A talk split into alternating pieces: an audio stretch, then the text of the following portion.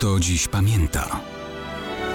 Datownik historyczny prezentuje Maciej Korkuć.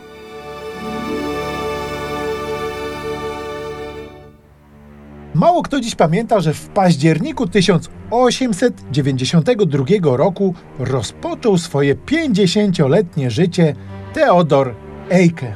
Człowiek niewątpliwie zasłużony dla niemieckiego państwa spod znaku swastyki.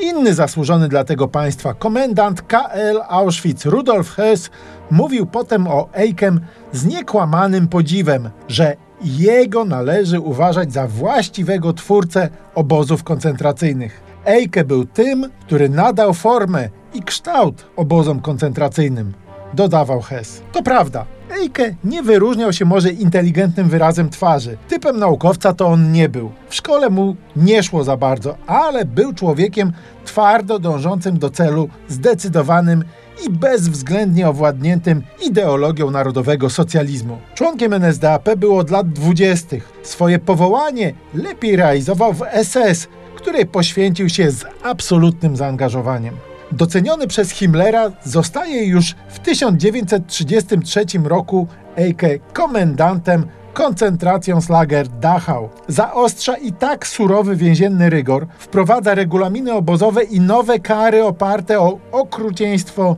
i brutalność. Załatwia finansowanie działalności obozów z budżetu centralnego Niemiec. Stwarza matrycę organizacyjną, która zostanie powielona w każdej kolejnej zbrodniczej placówce. Sachsenhausen, Flossenburg, Mauthausen, Grossrosen, Ravensbrück i tak dalej, i tak.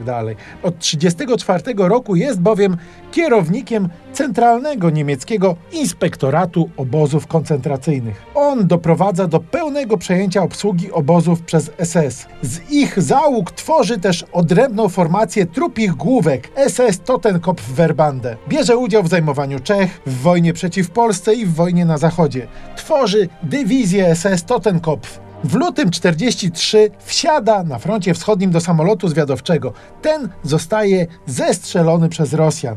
Eike ginie, kończąc w ten sposób pół wieku swojego życia. No i dobrze, żalić się nad śmiercią współtwórcy niemieckich fabryk śmierci jakoś nie będziemy.